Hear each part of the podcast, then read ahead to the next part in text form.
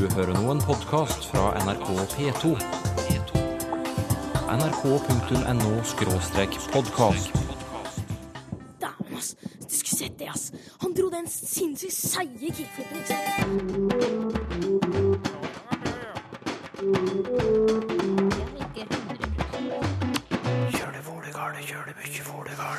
Ja. OK, ha det godt. Hei. Oi, det var, Det var det. det var, det var hørselstest. Ja. sånn kan det gå når man har på hodetelefoner, og noen legger på telefonrøret. Denne gangen var det språkforsker Toril Oppsal som fikk en karamell rett inn i øret. Her ved studiobordet sitter også Sylfest Lomheim. Og det er meg. Ja, det er det. Og alle tre har vi hver vår bunke med spørsmålsark, som vi har lagt i riktig rekkefølge, ikke sant, eh, Toril? Ja. Bra. Enn du, Sylfest, da? Nei da. Og jo da. Nei. Vi har tatt en telefon til Florø, for der bor Bjørn Angel Jacobsen. Hei. Hei. Hei. Du har skrevet eh, til Språkteigen om, med noen spørsmål om ordet smart. Hva er det du tenker rundt det ordet? Hva er det du lurer på? Ja, jeg registrerer at det har fått en annen betydning de siste årene. 10-15 årene, eller noe sånt. Eh, før så betydde det jo noe i nærheten av eh, lur, oppfinnsom, fiks, kreativ. Mens nå blir det brukt som omtrent som på engelsk, der det betyr det samme som intelligent. Eller glup eller gløgg, skarp, som ville sagt på norsk. Men òg faktisk eh, til og med kunnskapsrik. Sånn som NRK har jo en konkurranse der de skal kåre eh, Norges smarteste femteklassinger. Og det er en ren kunnskapstest. Mm. Det, det reagerer litt på at det skal ha en så vid betydning som det. Så jeg vil ha litt kommentarer på hvor, eh, hva smart egentlig betyr noe på norsk. Vi kan jo høre med Toril Oppsal først. Eh, Jeg eh, kan slå fast eh, at ja, smart har fått en ny betydning på norsk, og det er akkurat den du beskriver der. Eh, Vi finner den beskrevet i Norsk ordbok over det norske folkemålet, som da tar utgangspunkt nettopp i talespråket til folk rundt i Norge. Og de har plassert denne intelligensbetydningen som du beskriver her, Bjørn, under den lur, dreven, den første betydningen du beskrev. Og det er antagelig utvikla fra denne, i hvert fall så har den betydningen ligget til grunn. For det er jo en viss sammenheng mellom kreativitet og erfaring og intelligens. Kan man se for seg, i hvert fall. Eh, Og jeg har prøvd å lete litt, og det er særlig blant unge og blant unge voksne vi finner belegg for denne bruken av smart. Og det kan jo tyde på, som du eh, antyder også, Bjørn, at dette her er en ny utvikling. Eh, Og det jeg lurer på, er om dette kan være en påvirkning fra engelsk. Og da kan det være smart å høre med Sylfest, tror jeg. Ja, og eh, du var jo inne på det sjøl, Bjørn. Og at det kommer fra engelsk. Og det betyr òg det typisk at det er de yngre som bruker smart i denne nye bruksmåten, altså intelligent. Så det kommer fra engelsk. Eh, og det må vi nok har ikke så store problemer med at vi nå bruker det som liketydende til intelligent, for det er veldig kort avstand mellom å være oppfinnsom og lur og intelligent. Men Bjørn, jeg må si jeg reagerer også, slik som du gjør, når det blir brukt som et synonym, altså liketyding til kunnskapsrik. Da begynner vegen å bli litt lang fra det opphavlege til dette nye. Så den bruken vil jeg, om ikke si feil feil, så iallfall sette et lite minus ved og spørsmål ved. Ja, Bjørn Angel Jacobsen, hva syns du om svarene du har fått? Ja da, jeg, er- jeg er mest eh, enig med, med Sylfest på den tolkningen der. Ja. Jeg reagerer veldig på at de bruker det som synonym på kunnskapsrik. Men jeg må jo bare akseptere at, eh, at språk, eh, altså ord, eh, endrer meningsinnhold. Det har jeg jo mange eksempler på bare i min levetid. Så eh, det aksepterer jeg. Men det som jeg syns er litt synd, det er at en istedenfor en hel flora av ord for dette her, altså mentale evner og slike ting, så bruker en bare ett for alt. Og da blir språket fattig. At en kunne bruke de andre ordene av og til. Eh, Jeg er helt enig med deg, Bjørn. Eh, Og det kan jo kanskje være en trøst her at eh, smart har fått en ny betydning, men det har ikke gått helt på bekostning av de tidligere og andre betydningene som du også nevnte. Så på en måte så kan vi også si at vi har fått en berikelse. Men, men jeg er enig med deg hvis denne nye tar over totalt, og vi ikke lenger kan snakke om noen som lur eller utspekulert, eller at vi kan si at noen har et smart skjørt på seg, da har vi blitt, Ja. fatt, har vi blitt fattigere. Ja. Og ordvariasjon er alltid en kvalitet. Ja, Vi har jo en parallell med dette her tenke, som nå har erstatta masse av Mm. norske ord som mener og tro og syns og føler og antar, og regne med osv. Så bruker folk bare tenke, og det blir litt eh, slitsomt å høre på. Men vet du hva, Bjørn? Den diskusjonen har jeg ikke tenkt å gå inn i nå, for da Men den er det mange som er engasjert i, altså. Det har du helt rett i. Så Ja. du er i godt selskap. Ja. Men tusen takk for at du sendte dette gode spørsmålet til Språkteigen. ja. Ha det godt. Ha det. Rune Halvorsen han lyttet på Språkteigen, og så hørte han meg si følgende til intervjuobjektet. Du fant over 60 000 sammensatte substantiver i norsk. Det er et stort tall. Rune Halvorsen han stusser litt over formuleringen 'stort tall', skriver han. Er det ikke høyt tall som er korrekt? Og nå, Sylfes Lomheim, får vel du gi en dom, du, da? Ja, og eh, du blir frikjent den. Hos meg som dommer. Jeg forstår veldig godt at Rune stiller det spørsmålet, fordi at eh, det logiske er jo at tallene blir De stiger, og da går de oppover, og da blir de høyere. Men det er ikke feil i idiomatisk, altså naturlig norsk. Det er ikke feil å si store tall heller. Det mener jeg. Men eh, hvis jeg hadde vært i tvil om disse to, hva som passer, så eh, Det vanligste er kanskje høyt tall. Men som sagt, stort tall. Det går helt fint. Ja, eh, her er det jo også sånn at i, så vidt jeg har forstått, så bestemmes tallmengde i moderne matematikk ut fra mengdeteori. Så her er det noe som ikke bare har en sånn fin eh, tallinje, men også, også en mengde. Og jeg husker tilbake til barneskolen, så lærte vi sånne haker. eh, Sammenligningsoperatorer eh, som, som vi skulle sette inn om noe var større enn eller mindre enn noe. Ikke om det var høyt eller lavt. Vi kan snakke om de store talls lov. Og vi har jo også negative tall. Minus 900 000, er det et høyt tall eller et stort tall? Det kan man tenke på. Så, så jeg skjønner godt at lytteren tar opp dette her. Eh, For her kan vi nok bruke begge deler, men jeg må nok også være med på å frikjenne Anne. Kan ordene olabil og olabukse ha en sammenheng, spør Karen Langsholt Holmquist, som også lurer på om det finnes flere olaord. Ja, Ola eh, er jo en typisk nordmann, kan vi slå fast. Eh, Og Ola-soldater er et uttrykk for eh, nordmenn som er i Tysklandsbrigaden rett etter krigen. Og Ola-gutt brukes fortsatt om norske soldater i utlandet. Men olabukse er faktisk et merkenavn i utgangspunktet. Det er Får jeg drive litt reklame her? Det er vel Adelsten Kjølner AS som brukte olabukse om bukse for gutter nede i 10-12-årsalderen som var laga av et kraftig stoff som man kan være ute og leke i. Dongeristoff. Eh, Så olabukse er et merkenavn i utgangspunktet. Denne olabilen den er litt verre, eh, og jeg mistenker at de har en sammenheng. Eh, Nettopp fordi Ola som en liten aktiv krabat, kanskje ikke fullt så liten, men en 10-12-åring, er den som typisk er med på å lage en olabil.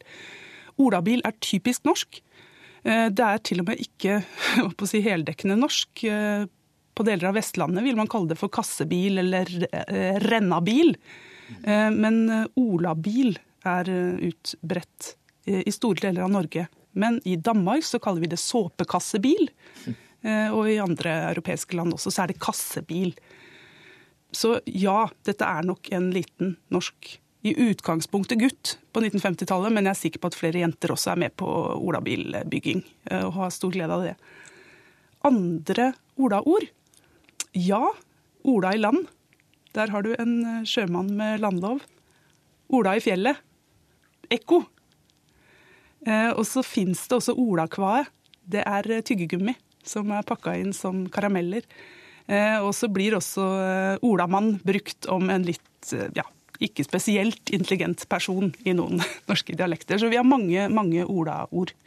Men Sylfest Glomheim, Ola Nordmann, som jo mange av oss bruker fremdeles, hvor kom, hvordan, hvordan har det oppstått egentlig? Ja, og det er jo begrepet, uttrykket Ola Nordmann, som ligger historisk sett i bunnen for hele denne vifta av bruksmåter med Ola i, som Toril nettopp har forklart, en mengde av dem. Og den som etablerte bruken av Ola Nordmann som et begrep for den jevne, vanlige nordmann, det var Henrik Wergeland. Så vi er altså tilbake til 1820-30-tallet. Vi har ringt til eh, Finnøy i Rogaland, og der treffer vi blant andre Toralf Ladstein. Hei, Toralf.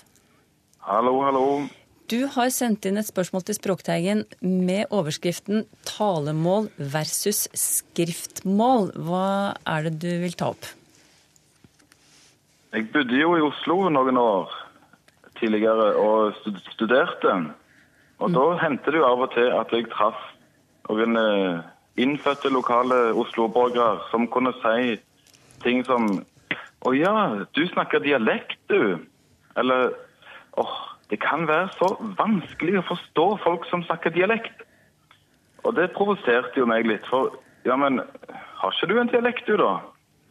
Det var liksom underforstått at de, nei, de snakket normert norsk eller bokmål. Og jeg har jo påstått hardnakka at bokmål eller nynorsk, det er jo skriftspråk. Mens alle i nordmenn, alle i Norge snakker en eller annen form for dialekt. Det, har jeg feil, eller er rett? Hmm. Hvordan er det, Sylfus Lomme? Kan man snakke bokmål og snakke nynorsk slik du ser det?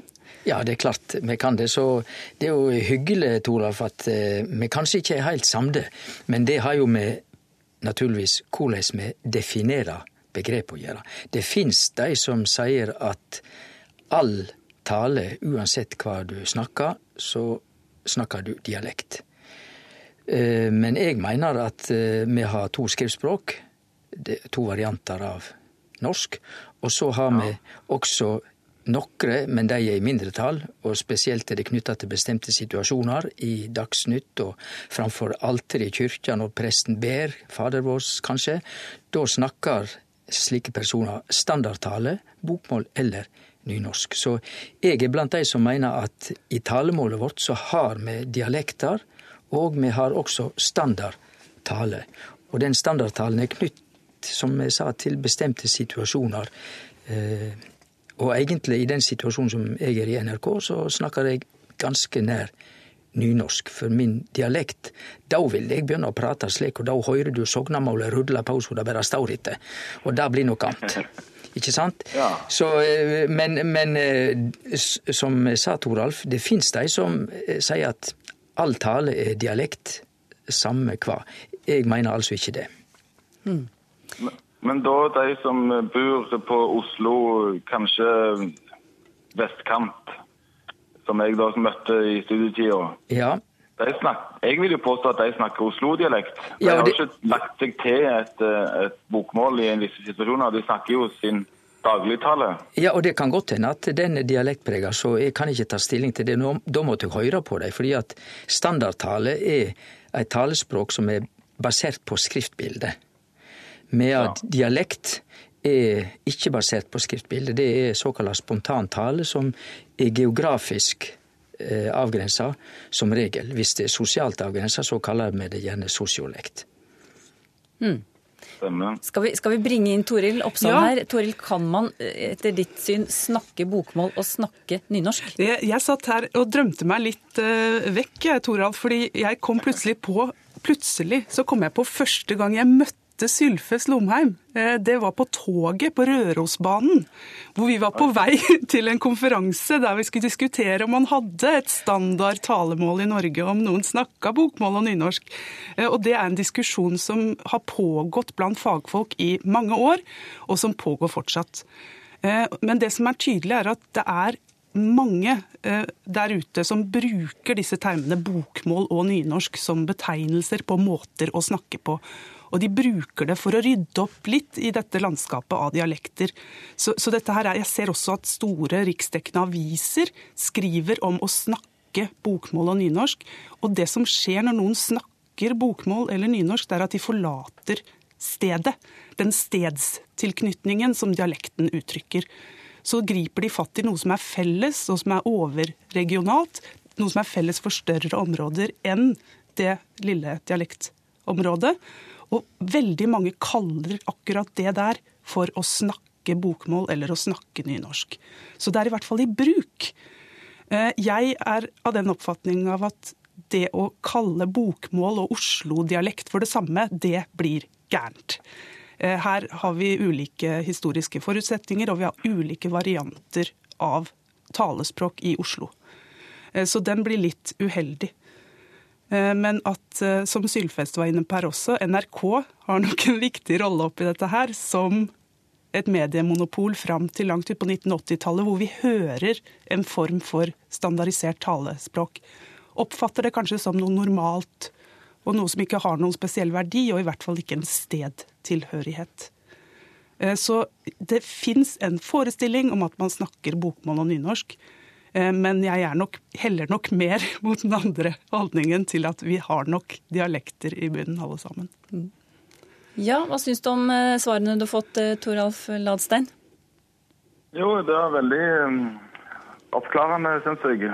Jeg er jo enig i at en kan legge seg til, sånn som Sylfest sier, at en kan konsentrere seg når en er på lufta eller står og framfører en liturgi om å om å lese eller snakke nynorsk eller bokmål. Men jeg, sånn som jeg forstår det, så har jo alle en dialekt som de bruker i, når de snakker i dagligtale, da, med mindre de går rundt hele tida og konsentrerer seg om å Så hjertelig takk for gode svar. Takk skal du ha for at du stilte et spørsmål som var veldig interessant. Ha det riktig godt. Takk for det. Ha det.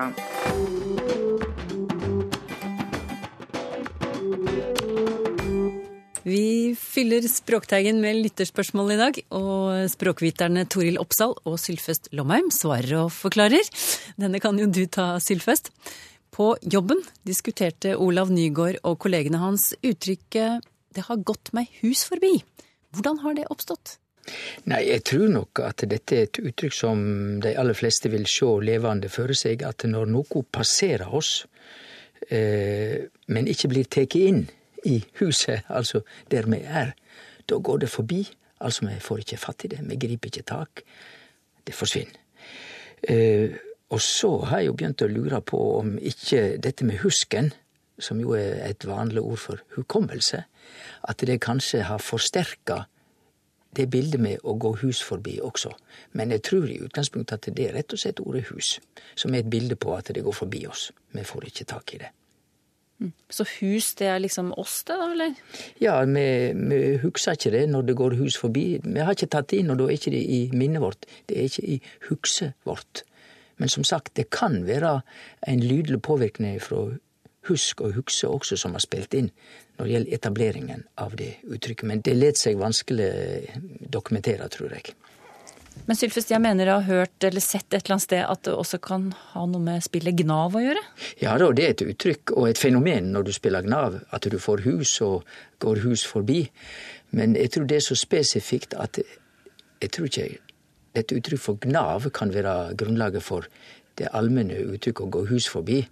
Men eh, alt bidrar jo til alt, slik at det kan også ha vært med å styrke selve bildet på at noe går forbi oss når det passerer huset, at vi ikke tar det inn. At ikke det fester seg hos oss. Eli Nerås Vihovde hørte et radioprogram der det var snakk om en durkdreven matematiker. Og nå vil hun vite hva durkdreven betyr, og hvor denne durken kommer fra. Toril Opsal. Ja, eh, den kommer som så veldig mye annet fra nedertysk durk. Og de som kan tysk, drar nok kjensel på dette som gjennom. Durch. Gjennom. Så du er altså gjennomdreven når du er durkdreven. Men det er litt interessant dette her, fordi opprinnelig så er dette et ord som har veldig negativ valør. I tillegg til å være dreven i noe og flink og dyktig. Når du er durkdreven, så, så er du også litt skurkaktig. Du er litt utspekulert. Så det å være durkdreven er nok i utgangspunktet knytta til litt eh, lyssky virksomhet. Men, men matematikk er vel ikke spesielt eh, Ja. Noen vil kanskje hevde det, men, men likevel, er du en durkdreven matematiker, så er du nok dyktig og dreven, men ikke spesielt skurkete i dag. Så her, her eh, har det skjedd eh, en liten endring, der dette negative har blitt nøytralisert i den måten mange bruker durkdreven på i dag. Vi har ringt opp Mir Karim i Bergen. Hei. Hei, hei. Hei. Du har skrevet inn til eh, Språkteigen med et spørsmål som du kan få lov å legge fram selv. Hva er det du vil spørre om? Ja, eh, vi eh, hadde egentlig en samtale med en stor gjeng om dobbeltnegativer. Bruken av dobbeltnegativ i norsk virker litt rart. Sånn som i, i stedet for å si at noe er eh, betinget, så sier man at det ikke er ubetinget. Så det virker som om det nesten er en nyanse mellom betinget og ubetinget som ligger i ikke ubetinget. Så vi, vi, vi syns det var litt merkelig at eh, det er sånn i det norske språket. Og vi lurte på hvor det kommer fra, og hvorfor vi sier sånn. Mm. Godt spørsmål, Sylfe Slåmheim. Hva vil du svare? Ja, logisk sett så er det jo slik at betinga og ikke ubetinga betyr jo det samme. Men eh, som du, Mir, er inne på, kan det være noe med nyansene her som ikke er de samme likevel. Og det er jeg helt samd i. Vi kan ta vennleg, og vi kan ta vanleg. Og så har vi ikke uvennleg og ikke uvanlig. Altså Logisk sett betyr alt dette det samme, men forskjellen er jo at vi bruker flere ord. Den doble nektinga gjør at vi bruker flere ord, altså blir det en viss sånn elegans over det, og vi liksom understreker det. Så det er en bitte liten stilistisk skilnad etter mitt syn. Eh, Litt mer indirekte sagt, altså litt mer underfundig enn det kontante beint på. Hva- Hva syns du om sånne, eh, sånne uttrykk, Mir, som ikke ubetydelig istedenfor betydelig? For å ta et eksempel, da. Hva syns du om det selv? Nei, jeg syns det er litt merkelig. Jeg synes det er veldig merkelig at man sier det. For jeg kommer, jeg, altså, Morsmålet mitt er kurdisk, og vi har ikke den, den stilistiske eh, måten å snakke på. Det er et veldig rett fram språk. Veldig eh, syntetisk språk, og lite eh, semantisk.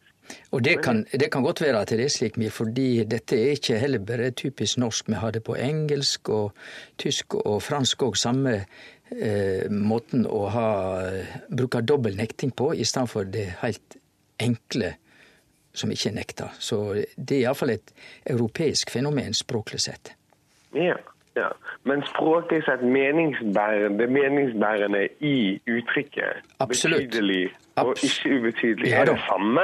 Det er, det er helt klart at begge deler er korrekt, og jeg veit ikke hva Toril sier, men den eneste forskjellen er en hårfin stilistisk eh, skilnad som kanskje går på litt indirekte og litt underfundig. Ja, Ja. ja.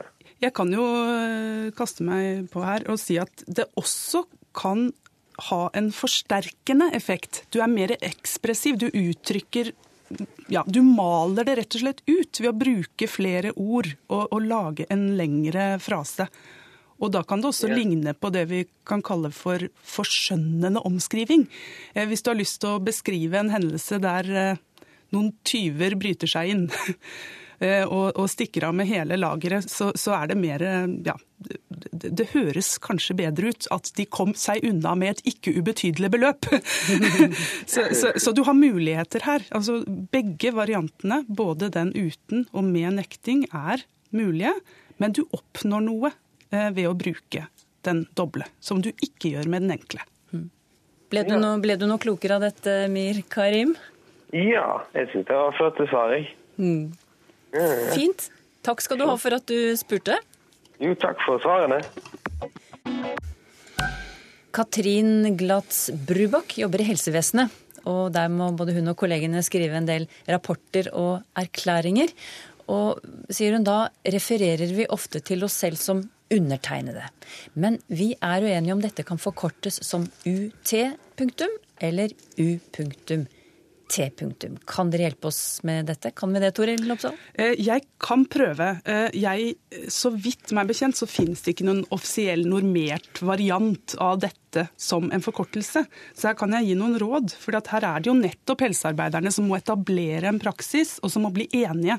Og det viktigste er at den forkortelsen de velger, ikke hindrer kommunikasjonen, og at det har en klar hensikt. Eh, det må være utvetydig. UT, punktum. Eh, og eh, så må jeg nesten få lov å skyte inn et spørsmål om hvorfor kan de ikke bare skrive jeg? Og meg og mitt? Hvorfor trenger vi undertegnede? I noen sammenhenger gjør vi kanskje det.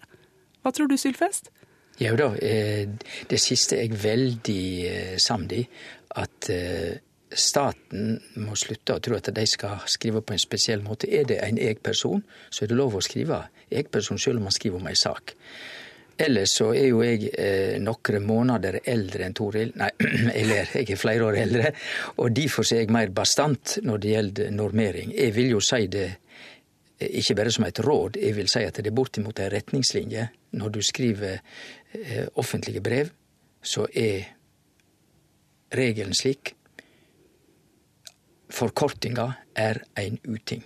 Du skal ha minst mulig forkortinger, og i alle fall ikke å forkorte undertegnede til U eller T eller noe slikt. Så det er mitt ganske klare svar. Mm.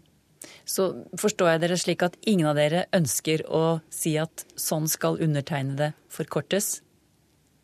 Nei, det er ikke normert, men det er klart det, hvis han skal forkorte det, så må det jo stå U punktum T punktum. Men det bør ikke brukes. Toril? Nei, jeg er uh, gullende enig her. Eh, jeg kan jo da legge inn en stemme for UT, punktum, så kan vi fortsette diskusjonen seinere. Har du spørsmål til Språkteigen? Skriv til Teigen, krøllalfa nrk.no, eller til Språkteigen, NRK P2, 7005, Trondheim. Så finner du oss også på Twitter og på Facebook. Møt en som bruker ordet hva mye. Ibsens figur Jørgen Tessmann. Så slår vi oss ned her i sofaen og prater litt sammen til Hedda kommer, hva? Han sier det 87 ganger, og det er ganske mye. Hver tredje replikk. Bruker vi hva på samme måte i dag som på Ibsens tid? Egentlig så er de fleste av disse bruksmåtene i bruk i dag også, men jeg tror vi bruker en del av dem mindre i dag faktisk enn hos Ibsen. Mer om det lille ordet hva i Språkteigen neste gang.